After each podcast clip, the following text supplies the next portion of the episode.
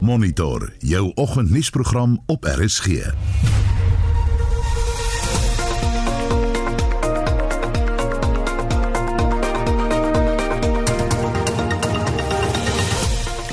vandag se program kommer oor dienslewering in Johannesburg meer as 3 weke na die afsterwe van die burgemeester. We have millions of people in Johannesburg who need some guidance and a leader in the city. So that's why we thought 14 days was a decent amount of time, but that's long past now. Die noodtoestand in Myanmar is met 2 jaar verleng. Ons praat om 10 oor 7 met Rolf Meyer wat baie nou betrokke was by die demokratiseringsproses in daardie land. Die swemsensasie Tatiana Skoenmaker se pa praat. Ek het geskreeu soos 'n malde, die trots en die kersie op die koek. Jy weet dat sy dit mag wen en 'n wêreldrekord tyd. Uh, uh, Dit is baie moeilik om te beskryf. Ek het nie woorde daarvoor nie. En om 20 voor 8 bespreek ons die spanne vir Saterdag se deurslaggewende stryd teen die Britse en Ierse leeu's. Goeiemôre, baie welkom by Monitor. My naam is Anita Visser.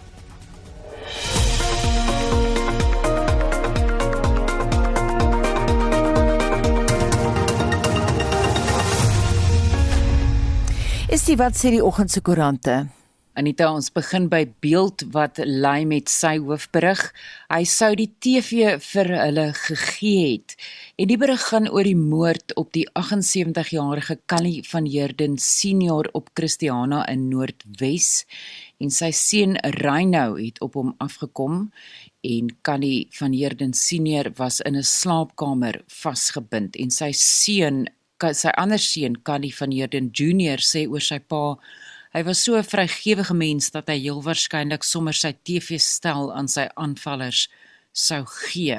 Want dit is nie bekend hoekom die aanvallers toegeslaan het op sy huis nie omdat daar nie veel weg is uit die huis nie behalwe wat hulle sover kon agterkom 'n TV-stel beeld dra ook op sy voorblad 'n foto van 'n uitgebrande veld by die Mount Savannah Wildreservaat in die omgewing van die wieg van die mensdom nadat 'n veldbrand maandag na verskeie plase en die wildreservaat versprei het en van die lodges daar beskadig is. Nou die brand was gelukkig teen laatmiddag in bedwang en niemand is beseer nie. Die burger lei vanoggend met 'n berig wat sê die Weskaap al nader aan piek en dit verwys nou na die derde vlaag van die koronavirus pandemie in die Wes-Kaap waar daar nou steeds gemiddeld meer as 100 mense daagliks aan COVID-19 sterf. En die premier in die provinsie Ellen Windy sê egter hoewel die sterftes, hospitaalopnames en nuwe infeksies steeds styg, is dit wel teen 'n stadiger pas as voorheen.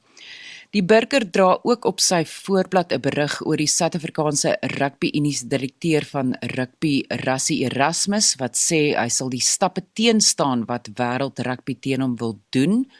En dit gaan oor die video wat hy gemaak het na afloop van die Springbokke se eerste toets teen die Britse en die Ierse leeu's en Erasmus se prokureur Frikkie Erasmus wat sê hulle wag nog vir die klagstaat.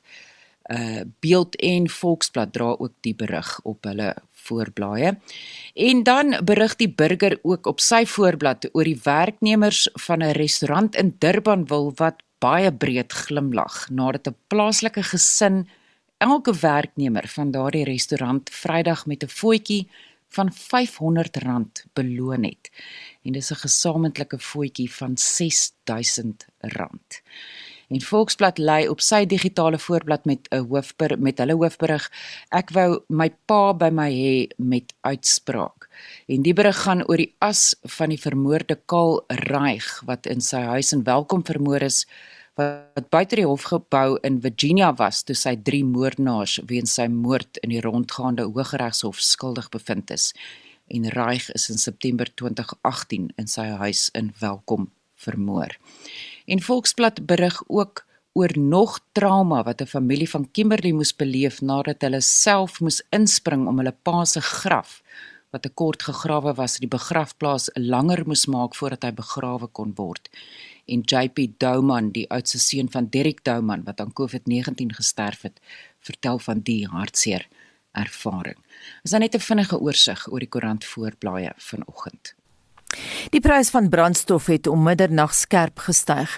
Petrol het met 91 sent per liter gestyg en die prys van diesel met 55 sent per liter. Ons wil veraloggend by jou weet hoe jy brandstof bespaar om jou begroting te laat klop. En indien jy een van die mense is wat sedert die pandemie toegeslaan het vanaf die huiswerk, wil ons weet, maak dit 'n positiewe verskil aan jou brandstofuitgawes? Stuur vir ons 'n SMS na 45889. Dit kos R1.50 of gaan na facebook.com vorentoe skynstreep ZRSG of WhatsApp vir ons stemnota na 076 536 6961 076 536 6961 Ook parafin is sedert middernag aansienlik duurder. Die 50 sent per liter verhoging gaan verdere druk op arm huishoudings plaas wat reeds wees weens die COVID-19 pandemie finansiëel sukkel. Parafin is van die goedkoopste energiebronne en miljoene Suid-Afrikaners gebruik dit om te kook en hulle huise te verhit. Lila Magnus doen verslag. Vir die afgelope 20 jaar is die Spaza winkel by die Prinsloo Straat taxi staanplek in die hart van die hoofstad die Klomatsana familie se lewensaar. Die inkomste uit die winkel help Maria Klomatsana om vir haar drie kinders te sorg en seker te maak hulle kan skool toe gaan. Sy gebruik parafin in die stofies waarop sy die kos maak wat sy verkoop. Uh, to be brutally honest, I'm not sure if you will still be able to afford to buy it because it's too expensive. Sy sê sy kan nie eers haar kos se pryse verhoog om die verhoging in die parafienprys uit te skakel nie. I can up the price, but if I up the price, where are they going to find money to buy my food? They also don't have money. Sedert die begin van die COVID-19 pandemie het armoede toegeneem met baie Suid-Afrikaners wat hul werk verloor het. Die ekonom Dawie Rood sê baie mense, maar veral die behoeftiges, sukkel om kop bo water te hou voedselpryse skerp aan die styg, elektrisiteitspryse het onlangs gestyg en nou bo dit alles sien ons nou die skerp stygings in die parafienpryse ook. Ek is bevrees dis 'n besondere swaar slag vir armer mense. So oor die algemeen is die koste van om te oorleef in Suid-Afrika vir armer mense besig om skerp toe te neem, meer as vir ryker mense op hierdie stadium en dit gebeur in 'n konteks van waar dit besonder swaar gaan met veral laer inkomste groepe in die land. Hy sê die enigste manier om arme mense te help is vir die regering om moeilike besluite te neem om die ekonomie te help groei, soos om van sukkelende staatsbeheerde ondernemings ontslae te raak. Een van die groot probleme in Suid-Afrika is natuurlik dat ons al hierdie ekonomiese probleme, maar werklik hierdie probleme kan net opgelos word as 'n sterk en goeie politieke leierskap het wat ek glo ons nie het in Suid-Afrika. En die realiteit is as ons politieke leierskap nie daardie moeilike politieke besluite neem en dit werklik implementeer nie, dan gaan die ekonomiese omstandighede in Suid-Afrika net verder agteruit gaan. Die probleme in Suid-Afrika is nie ekonomies nie, dis meestal polities. En dit dan die mening van die ekonom Dawie Rood wat die verslag van Lila Magnus afsluit. Die Solidariteit Skoleondersteuningsentrum is bekommerd oor veranderings aan die Gautengse Departement van Onderwys se aanlyn toelatingsproses. Die proses is nou meer kompleks as ooit tevore en ondermyn blykbaar skole se reg om hulle eie beleid toe te pas. Ons praat nou met die hoof van ontwikkeling by die sentrum, Melanie Buys. Goeiemôre Melanie. Goeiemôre Anita. Hoe ondermyn dit skole se reg om hulle eie beleid toe te pas? Hoe werk dit? Anita, op die oomblik werk die stelsel of die stelsel wat nou aangekondig is, gaan nou so werk dat op die 10de van die 10de Augustus af gaan ouers moet wag om 'n SMS van die departement af te kry voor hulle kan aansoek doen. So as jou inligting en dan gaan dit net oor graad 8 nog om om so om te werk die probleem in die verlede was ouers wat baie graag by skool wou wees, sou selfs in die rye voor die skool geslaap het om seker te maak dat dit plek. So dit was die ouers wat wat kon besluit waar wil hulle kinders graag wees. Nou moet hulle wag. En dan aan die ander kant, ehm um, ouers het 'n keuse om uit te oefen van wat is jou kind se voorkeurtaal van onderrig, maar daar word geen aanduiding gegee van skole se taal vir onderrig nie. En ehm um, wat nou kan gebeur is dat die aansoeke die skool se toelatingsbeleid gaan bepaal in plaas van die skool se toelatingsbeleid of taalbeleid wat gaan bepaal watter kinders by hulle aansoek doen. So dit is alreeds 'n groot probleem. Het julle probeer om met die Gautengse departement van onderwys te praat hieroor?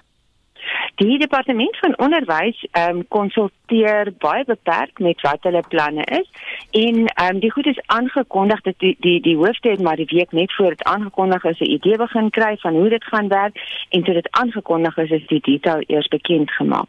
Dit dit is die tweede probleem juis is dat dit so laat in die stelsel is.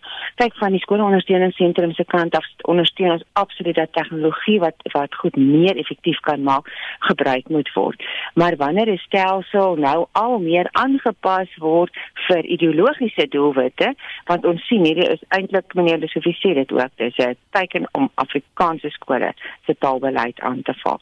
Terwyl Afrikaanse skole baie voor is en reeds effektief is en eintlik hulle aansoeke ook reeds effektief hanteer.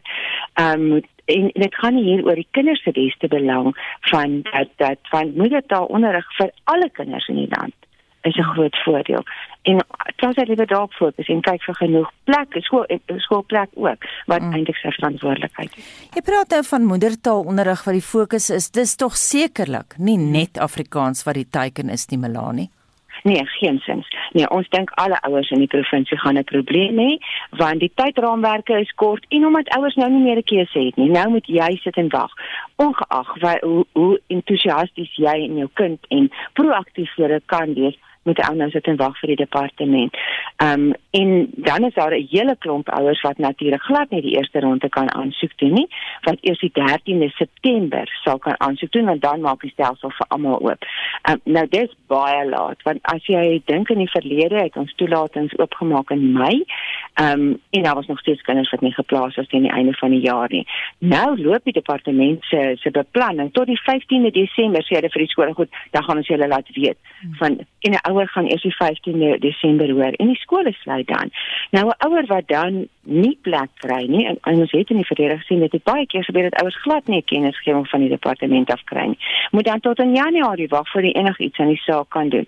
So dit is ons tweede groot bekommernis is dat hierdie goed hopeloos te laat gebeur en nou nog onnodig kompleks is. Kom ons gaan terug na Januarie van jaar duisende leerders of leerdlinge was teen die begin van 2021 nie geplaas nie. Gaan ons dus nou herhaling sien. Dis waaroor jy bekommerd is of voel Melanie? Ons is bekommerd oor selfs meer chaos as as dit juis omdat dit nou so laat is en al die die vir, vir, of die moontlikhede van skole af weg en van ouers af weggevat word om iets vinniger te doen omdat ons nou vir die departement moet wag. En in die verlede kyk in die verlede het hulle ook die die ehm um, ouers laat weet met 'n SMS. Nou baie ouers het nooit 'n SMS gekry nie. Hulle moes maar by die skool gaan aanmeld. So ons raad vir ouers is As jy enigiets wil doen, maak net seker die skool waar jy wil gaan, weet jy wil sien toe kom. Hulle het inligtingvorms baie wat jy kan invul en dat jy as jy 'n graad 8 kind het wat volgende jaar um, hoërskool toe gaan, maak seker sy inligting by die skool is reg. Ehm um, en en dan vir ouers ook as daai stelsel oopmaak op die 10de of die 13 10 Augustus of die 13de September doen onmiddellik aansoek. Dis omtrent wat ouers kan doen. Ehm um, om om seker te maak hulle kinders se plek is verseker en volg dan maar op met die skool al kry jy nog niks van die departement af nie. Ehm um, ons hoop nou maar op so 'n manier kan ons die stelsel bietjie vinniger en meer effektief maak werk. Daardie raad kom van Melanie Buys, sy is hoof van ontwikkeling by die Solidariteit Skole Ondersteuningsentrum. 'n Polisiebeampte het die moord op 'n man in Phoenix, Noordwes van Durban, tydens die onlangse onrus beskryf as een van die wreedste moorde wat hy in 18 jaar as speurder teëgekom het. Die broers Dylan en Ned Govender, asook Jitendra Jaikison, word aangekla van die moord op 'n inwoner van die Zwelisha informele nedersetting. Hulle word aangekla van poging tot moord op 3 ander mans. Die staat staan die borgtog aansoek teen. Dries Liebenberg het al die besonderhede. Dis die eerste keer dat 'n hof getuienis aangehoor het oor van die gebeure in die Phoenix omgewing tydens die onlangse onrus. 'n Spesiale taakspan is op die been gebring om die sterftes in die omgewing te ondersoek te midde van beweringe van rasseaanvalle. Daar was 'n sterk polisie teenwoordigheid binne en buite die hof. Binne die Verulam Landroshof was die atmosfeer gespanne tydens die borgtog aansoek van Dylan en Ned Govender tesame met Jitendra Jacobson. Hulle word aangekla van die moord op Mondle Majola en poging tot moord op 3 ander mans op 12 Julie. Die maandag nadat wydverspreide onrus en plundering in KwaZulu-Natal uitgebreek het. Die staat beweer daar is op die 3 oorlewendes geskiet en dat hulle wonde met 'n kapmes en mes toegedien is toe 'n groep met 'n gemeenskaplike doel op hulle toegesak het. 'n Lid van die spesiale taakspan, Mondlinkosi Shezi, het getuig beeldmateriaal van veiligheidskameras wys hoe vyf ongewapende mans in 'n straat in 'n residensiële gebied gestap het. Shezi het getuig die mans het gevlug en in 'n erf probeer wegkruip toe twee bakkies op hulle afgejaag en die pad weerskante versper het. 'n Oormag het die mans gedwing om hulle skuilplek te verlaat terwyl hulle hande in die lug om verskoning gevra het. Hulle is in gekruide taal aangesê om na hulle plakkershutte terug te gaan. Shezi sê die beeldmateriaal wys dat Jaikesun, wat glo 'n kapmes gehad het, gekeer het dat Majola vlug en dat die man in die proses geval het. Volgens Seji se getuienis het Dylan Govender bo-oor Majola gaan staan en hom in die gesig geskiet. Shezi het getuig volgens misdaadintelligensie sal onrus uitbreek as die beskuldigdes op borgtog vrygelaat word en dat hulle lewens dan in gevaar mag wees. Die beskuldigdes het in beëdigde verklaringe gesê tydens die onrussituasie was dit amper soos oorlog. Volgens Dylan Govender het hy en sy broer huis toe gejaag toe hulle hoor dat 'n skare van Zwelishwa in die rigting van hulle ouers se huis op pad was. Die drie sê daar was 'n geveg, maar ontken dat hulle enigiemand aangeval het. Die hof het gehoor dat die harde skuif met die veiligheidskameras se beeldmateriaal onder verdagte omstandighede gesteel is 'n dag nadat die polisie die video met 'n selfoon opgeneem het. Die borgtog aansoek duur voort. Ek is Dries Liebenberg in Durban. Ons het gister 'n monitor berig oor Rick Astley se treffer Never Gonna Give You Up wat al 1 miljard keer op YouTube gekyk is. Vlugtig daarna verwys dat Despacito deur Luis Fonsi en Daddy Yankee al meer as 7 miljard keer gekyk is. Toevallig was dit op die dag, dis nou 4 Augustus in 2017, dat die musiekvideo die eerste video op YouTube geword het wat meer as 3 miljard keer gekyk is. En hier is Despacito.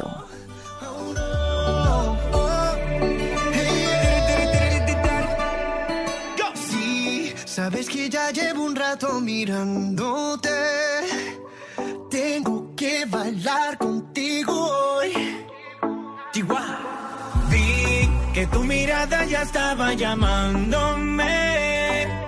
Muéstrame el camino que yo En dit is stemme daar van Louis Fonsi en Daddy Yankee met Despacito. Jy luister na Monitor elke weekoggend tussen 6 en 8.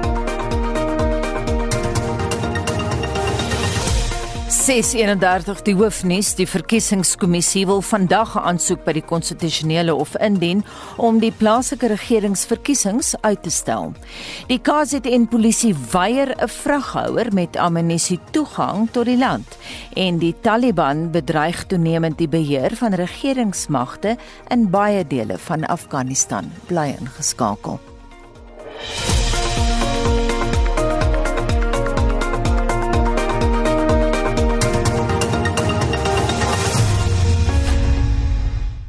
Na Estie wat vir ons SMS terugvoer het of hooplik het Estie.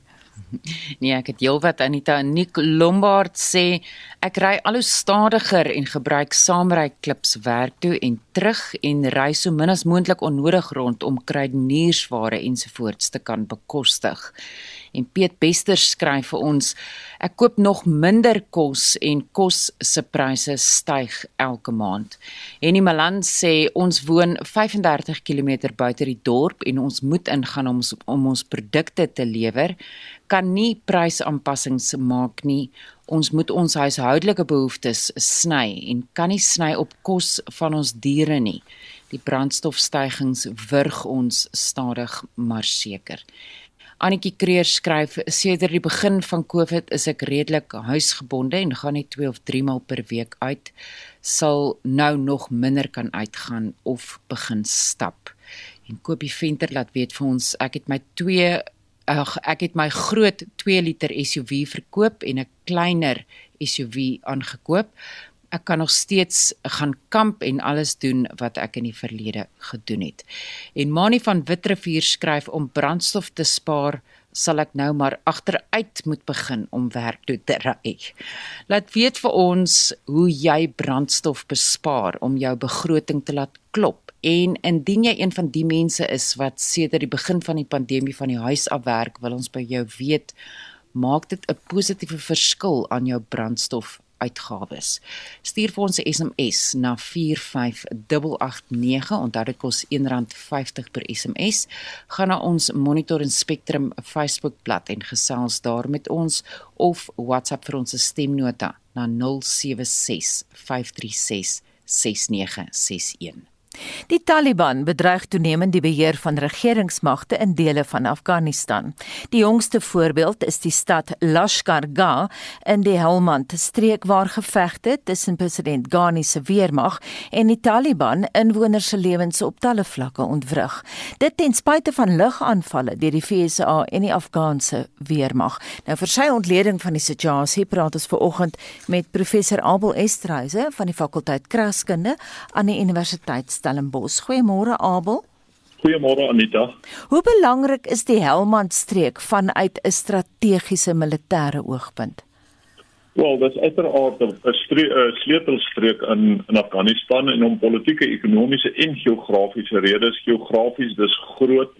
Uh dis baie na in Afghanistan wat hulle primêre uh ekonomiese ehm um, uh Eh, wat nou mense strydpartner is. Maar uh, uit 'n uit 'n ekonomiese oogpunt self die Helmand rivier vloei deur die provinsie en daar's geweldige landbouaktiwiteite aan die gang veral opiumproduksie weet ons.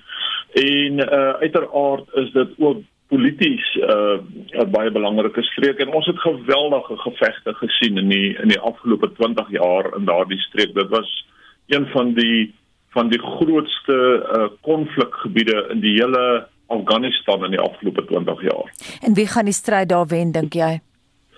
Wel, uh, dis daar's geen twyfel dat die Taliban se strategie om beheer te neem van stedel uh, dorpe uh, nou aan die uitspeel is nie. Ehm um, daar's uiteraard 'n probleem in die sin van dat uh, ons sien nou die fokus totaal en al skuif na ehm, 'n uh, 'n militêre oplossing in steede van 'n 'n politieke oplossing in in um, Afghanistan. En en dit is problematies. Ehm um, ek ek dink nie ehm um, ek dink nie ons gaan 'n uh, uh, uh, uitkom by die punt waar ons uh, stabiliteit gaan sien in Afghanistan voordat ons nie die klem verskuif vanaf 'n militêre na na 'n politieke oplossing toe nie. En, en dis die probleem hier. En dit is interessant dat die dat die die die die narratief die die gesprek gaan oor hoe Amerika die die oorlog verloor het hmm. ehm um, in in in Afghanistan. En uh, jy weet Amerika vir omtrek op sy eie voorwaardes. Ehm um, daar's daar's probleme probleme rondom wat Amerika gedoen het in Afghanistan en hoekom hulle in Afghanistan ingegaan het maar Afghanistan is nie noodwendig 'n ander plek as wat dit was toe toe uh, um, Amerika betrokke geraak het nie dit is maar 'n plek waar waar daar heelwat konflik is. Mm. Abel ons moet by baie vrae uitkom ek wil bly by die Amerikaners vir 'n oomblik want dit sluit aan by wat maande gebeur het Afghanistan se president Ashraf Ghani blameer die huidige gebeure op die FSA se skielike onttrekking van sy troepe en hy het gekla by die parlement daaroor maar daar is ook ander NAVO-troepe in Afghanistan. Hoekom kry die FSA al die skuld? Ja, skuldlegging is maar 'n refleksie van die menslike politieke aard is dit nie. Uh die betrokkeheid van NAVO en westerse mondere hang natuurlik uh, saam met die feit dat die FSA die die leidende mondheid was in Afghanistan, die sogenaamde uh, lead nation idee. Soortgelyk uh aan die rol wat Suid-Afrika en Mosambiek gaan gaan speel. Um En dan is daar die die die feit dat uh state altyd hierdie tipe van inmenging wil doen onder die dekmantel van van 'n koalisie um om vingerwysing van van eensydige optrede te vermy en daarom um die die vingerwysing na die FSA um die die hoër orde vraag vir my hier is hoekom uh, die FSA en die westerse mondere nou besig is om te onttrek. Ehm um, Hoekom wat wat dryf daardie besluit? Uh hoekom het hulle nie onttrek nadat Osama bin Laden uh mee gehandel is nie? En dit bring mense eintlik by die vraag uit rondom wat was die die hoër orde doel van die totale operasie en betrokkenheid van van die weste in Afghanistan en hoekom Amerika in die eerste plek daar betrokke geraak het? Ek wil teruggaan na Maandag wat gebeur het in Kabul. President Ghani het toe 'n plan aan sy parlement voorgelê. Nou daan verduidelik hy hoe die oorloggetuiede land binne net 6 maande weer onder beheer van die regering kan wees. Dink jy hy is naïef? Nee, ek ek dink nie hy is naïef nie. Ek dink dit is die die die pad wat hulle moet stap om 'n politieke oplossing ehm um, te vind vir die die probleem waarmee hulle gekonfronteer word en 'n politieke oplossing moet 'n mens in gedagte hou ehm um, onmiddellik neem die die die fokus weg van die van die ehm um, die militêre konflik maar daar's ehm um, daar's 'n realiteit wat 'n mens hier in gedagte moet hou en dit is dat heropbou en versoening neem langer en is moeiliker as konflik self. Uh, heropbou uh, vereis wilskrag en en politieke en ekonomiese uh, geduld. Ehm um, vir my is die die konflik wat ons nou sien en die terugval na militêre oplossing eintlik 'n teken van mislukking. Dis nie 'n teken van vooruitgang nie. Ons kan nou argumenteer dat die Taliban besig is om om jy weet die die die oorlog te wen as ons dit nou so kan sien. Maar in wese wen hulle nie die oorlog nie. Hulle is besig om om terug te beweeg um, in terme van die skepping en die vind van van oplossings. Nou die FSA se militêre onttrekking uit Afghanistan is aanvanklik geoormerk vir 11 September. Dit was deel van 'n verkiesingsbelofte deur president Biden. Gaan daai datum vervroeg word Ek twyfel. Ehm um, uh, wat wat ons nou sien, ek ek kom ek kom ek vra die vraag so. Ehm um, uh, moet ons so naïef wees dat Amerika nie die die scenario wat nou uitspeel in Irak uh, voorsien het toe hulle besluit en aangekondig het dat hulle uh, uit uit Afghanistan gaan onttrek nie. Ehm um, en en nou speel 'n scenario uit waarmee hulle gaan mee moet handel op 'n manier en ons is nog nie doodseker hoe hulle daarmee gaan handel nie want hulle onttrekking het 'n magsvakuum geskep, dit het 'n militêre vakuum geskep. Ehm um, en dit is 'n uh, 'n problematiese scenario wat wat nou uitspeel en ons ons ek dink nie Amerika kan die die bal sommer net so laat val en en wegstaan nie. So Weereens ek dink Amerika gaan op 'n manier ehm uh, moet betrokke bly. Die westerse mondbeere sal op 'n manier moet betrokke bly. Ehm um, want ehm um, daar sal uiteindelik 'n oplossing gevind moet word en ons kan miskien praat oor die die oplossings wat en die scenario's wat moontlik kan uitspeel in die, in die volgende 6 maande. Ons gaan nou nie vanoggend daarvoor tyd hê nie, maar net laasens en baie belangrik. Waar lê gewone Afghane se simpatie? Ja, dis 'n dis 'n baie interessante vraag Anita en ek dink dis 'n vraag wat maar verband hou rondom uh, op die oomblik as jy as jy na militêre oplossings kyk, um, dan is dit gewoonlik maar wie skop die hardste en wie maak die seerste, maar um, daardie tipe van van optrede het uiteindelik baie baie belangrike langtermynpolitiese uh, gevolge.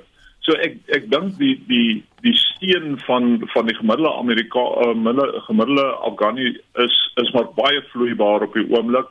Ehm um, en dit gaan maar rondom wie wie is nou in beheer van watter streek. Um, en dis juist deel van die probleem en dis juist hoekom ons uh, na 'n politieke oplossing moet soek en hoekom 'n militêre oplossing nie 'n langtermyn oplossing gaan lewer nie. Baie dankie en so sê professor Abel Esterhuise van die fakulteit Kragskunde aan die Universiteit Stellenbosch. Suid-Afrika se ekonomiese hartland Johannesburg gesit nou al vir meer as 3 weke sonder leiding na die afsterwe van die goudstad se burgemeester Jeff Makubu. Die gebrek aan rigting raak die stad se dienslewering op 'n daaglikse vlak. So waarsku die DA se kokesleier in die metroraad, Leonard, monitor het gister met haar gepraat. Currently, the city manager is at the helm of Joburg, so he's basically in charge of the administration. But he's one person and he's also now fulfilling his mandate and trying to account to 270 councillors plus residents. So that's where we sit at the moment because Joburg didn't have a deputy mayor in place. If we had had that position, that person could have taken over when Jeff passed away. Die effek van die gebrek aan leierskap is op allerlei vlakke te bespeur. Die DA elektrisiteitswoordvoerder op die Metro Raad, raadsit Nikki van Duyk, moes verlede week bond staan om krag te help verskaf aan 160 inwoners van Randburg wat 3 dae lank sonder elektrisiteit was. Dienslewering onder die ANC in Johannesburg was nog nooit wat wonders nie. Nou moet inwoners van die Goudstad hulle staal teen 'n verdere verswakking in dienslewering. We're sitting in limbo because councillors perform oversight. They're not responsible for service delivery. So, in essence, we operate very much the same as what Parliament does. MPs would ask questions to ministers and they would answer. We don't have that ability now. So, there's nobody in charge of the entities and departments because the mayor's cabinet dissolved when he passed away. We can't even have a council meeting because the MMCs or the members of the mayoral cabinet are the ones that table the reports it becomes very difficult to perform oversight if you've got nobody to hold accountable. At the moment, City Power's got a lack of spares and materials. Even though we're at the beginning of a financial year, they're still experiencing severe shortages. JRA haven't even started on pothole resolution because they haven't been able to implement their level three staff arrangements in terms of the lockdown level that we're under. It's a little bit chaotic at the moment. Wat als vererger is die ANC se totale gebrek aan kommunikasie, kla die DA se kokesleier in die Johannesburgse Metroraad, Lee Not. Well, you know, at the moment, and, and this is where I say there's a breakdown of communication, because the Speaker's office seems to be communicating more with media houses than they are with councillors. We can't get a date out of them. You know, they keep telling us that there's no rush. Of course, there's a rush. We're the biggest metro in the country with the biggest budget. It cannot be that we're sitting leaderless. From what we've heard, they seem to be having a sort of factional infighting over who the candidates should be. That's what they're discussing within their internal structures. What we've gathered from media reports is that they plan to have a council meeting on Friday, but no formal notification has gone out to councillors. So I don't know if that's even accurate. Maar wat bepaal die reëls? Wie moet instaan wanneer 'n burgemeester sterf en hoe vinnig moet dit gebeur? Well, this is where I think we've got a very distinctive gap in our legislation. Because when a new council is elected after a local government election, the Structures Act provides that council needs to meet within 14 days and a mayor needs to be elected. However, when we look at vacation of office, so if the mayor ceases to be a councillor, he's removed or he resigns, or in this case, he passes away, Section 55 states that the vacancy must be filled when necessary. So it doesn't give a time period. So what we said to the Speaker's office was, look, you know, 14 days is reasonable. When the previous mayor resigned, you called a meeting within seven days because it was urgent. I'm failing to understand why it's not urgent now. You know, we allowed for the grieving process and it is difficult for his colleagues. You know, they had just lost their caucus leader. I understand that. But we have millions of people in Johannesburg who need some guidance and a leader in the city. So that's why we thought 14 days was a decent amount of time, but that's long past now. Ja, so sê die DA se caucus leier in Johannesburg se metroraad Leonat wat gister met Monitor gepraat het. En ons bly by die storie en vir sy ontleding van Johannesburg se huidige bestuurskrisis, praat ons met 'n plaaslike regeringskenner van die Huguenot College op Wellington, professor Erwin Swela. Goeiemôre Erwin.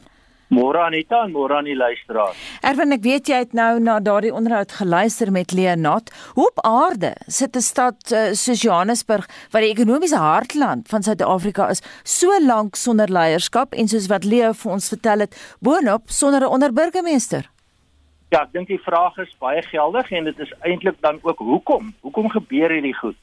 Nou wat ek dink ons hier sien is uh, die die die eintlik die politieke ekonomie op 'n plaaslike vlak van 'n baie selfsugtige toenemende grypsig van 'n klompie mense onder toestande van toenemende skaarsheid. Ons weet mos nou dat Johannesburg vir baie jare al onder druk is. Daar was 'n tydperk van relatiewe stabiliteit in die politieke en regeringsfunksies uh, onder uh, burgemeester Mashaba. Maar voor dit en daarna is daar altyd spanning en konflik oor opvolging en uiteindelik wie bekleed watter poste dit as mens dit nou koppel aan die toenemende afname aan inkomste vir die stad, swakker invorderings, groter korrupsie, groter ondoeltreffendheid, dan kry jy eintlik dat daai konsep en en en, en die idee van groeiende armoede ehm um, verhoog 'n vorm van skaarsheid. So dan op 'n of ander manier vir die grypsugtiges verdwyn enige pretensie om op te tree in enige iemand anders se belang as in hulle eie belang. Mm. Dis interessant, dit word 'n kleiner kring. In die verlede het jy opgetree in die party se belang, maar omdat die party in 'n faksie geveg is en omdat daar uh, dan groot uh, waarde is in die behoud van van incumbency nê nee, van 'n sitplek op die raad. Mm. Um, word daai kringetjie al hoe kleiner en die bevoordiging gaan uiteindelik net vir 'n klein groepie grypsugtige individue amper. Dis nie meer die inwoners of die burgers of die belastingbetalers of selfs die party nie, maar nou net die eie klein kring. En dit word dan 'n interessante dinamika. Die die dinamika kan 'n mens noem 'n dinamika van 'n afwaartse spiraal, maar dit vererg en versnel eintlik tot iets wat lyk na 'n vergelykbare ding met wat 'n mens in Engels noem 'n run on the bank. Mm. Kom ons neem nou maar wat ons kan kry so gou as wat ons kan vir solank as wat dit nog beskikbaar is. En dit is dink ek die dinamika. Erwin, lees sê nou in die onderhoud waarna jy ook geluister het dat die reëls werk nie. Sy verwys na 'n distinctive gap in our legislation. Wat bepaal artikel 58 van die munisipale stelselswet? wel die munisipale stel nee nee nee, dis die munisipale struktuurwet in die geval eh uh, Anita, maar hoe dit ook al sê, die die struktuurwet uh, het 'n klomp strukture geskep waarmee plaaslike owerhede moet funksioneer. van en, en en ons hoef nie op daardie diep in detail in te gaan nie, maar onder andere voorsien dit vir verskillende eh uh, regeringsstelsels soos byvoorbeeld 'n uitvoerende burgemeesterstelsel wat in die geval van metro's beskikbaar is en in die geval is Johannesburg op daai stelsel. 'n uh, 'n uh, 'n uh, burgemeester dus met met sterk magte om besluite te neem om 'n strategie te bepaal om in 'n sekere sin seker te maak dat die dat die dat die beleide geïmplementeer word en uiteindelik ehm um, prestasie moet meet en bestuur. Nou in die in die betrokke artikel is daar nie voorsiening vir die tragiese situasie waar iemand uh, in die pos uh oorlede uh, uh, oorlede raak nie, uh, afsterf nie. En en daar is dus 'n leemte.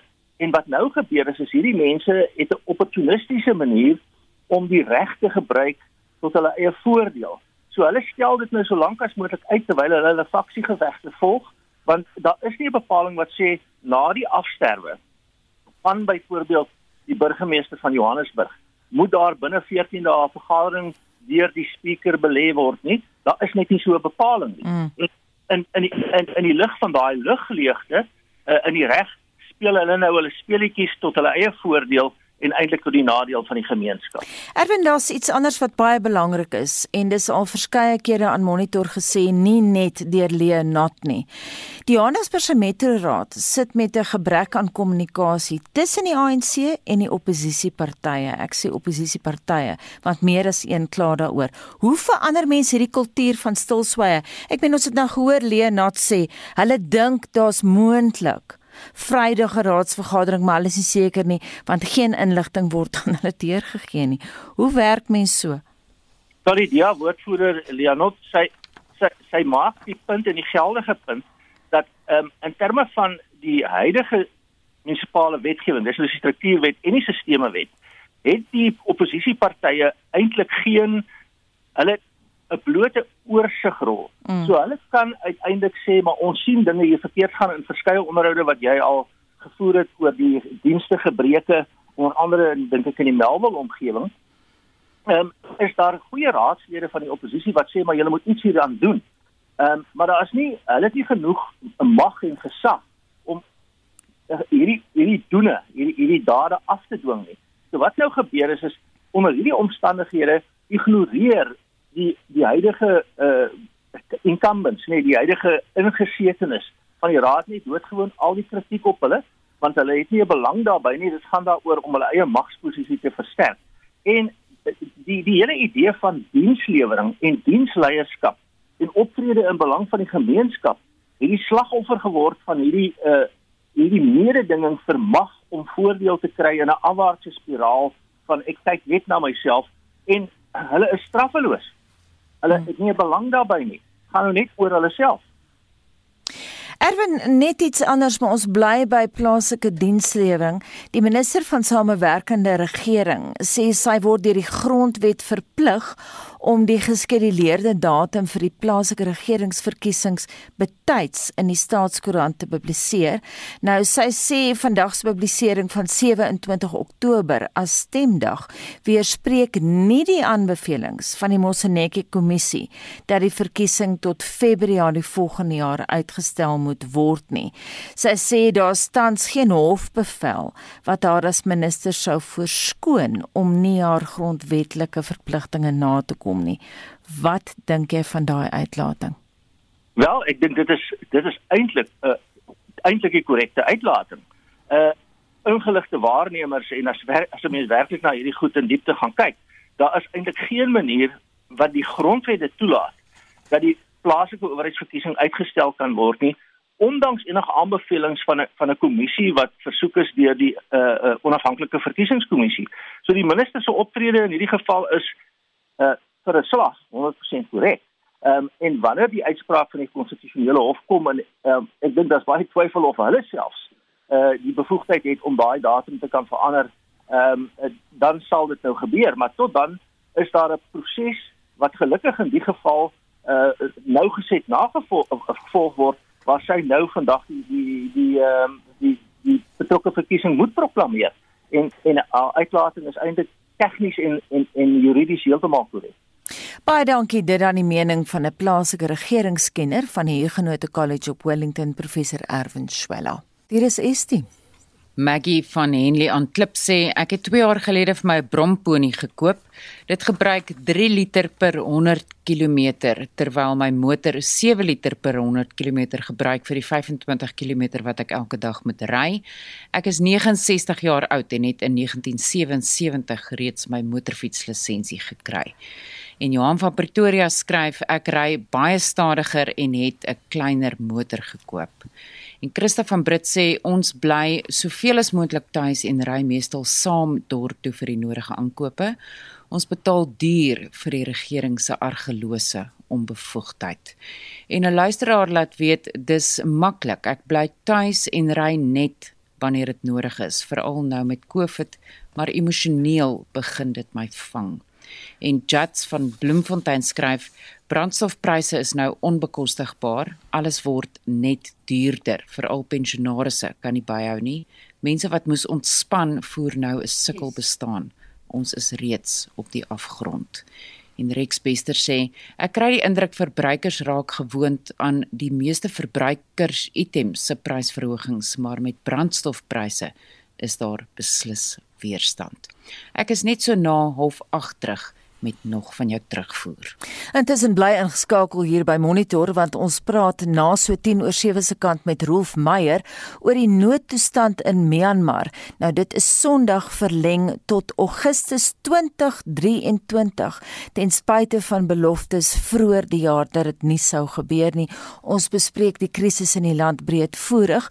Rolf Meyer was betrokke by die demokratiseringsproses in Myanmar en is weekliks in kontak met diplomate nie net in die land nie, maar ook in Europa oor hoe die situasie, die situasie daar beredder kan word. En dit bring ons by die 7 uur nuus. SAK nuus. Onafhanklik, onpartydig.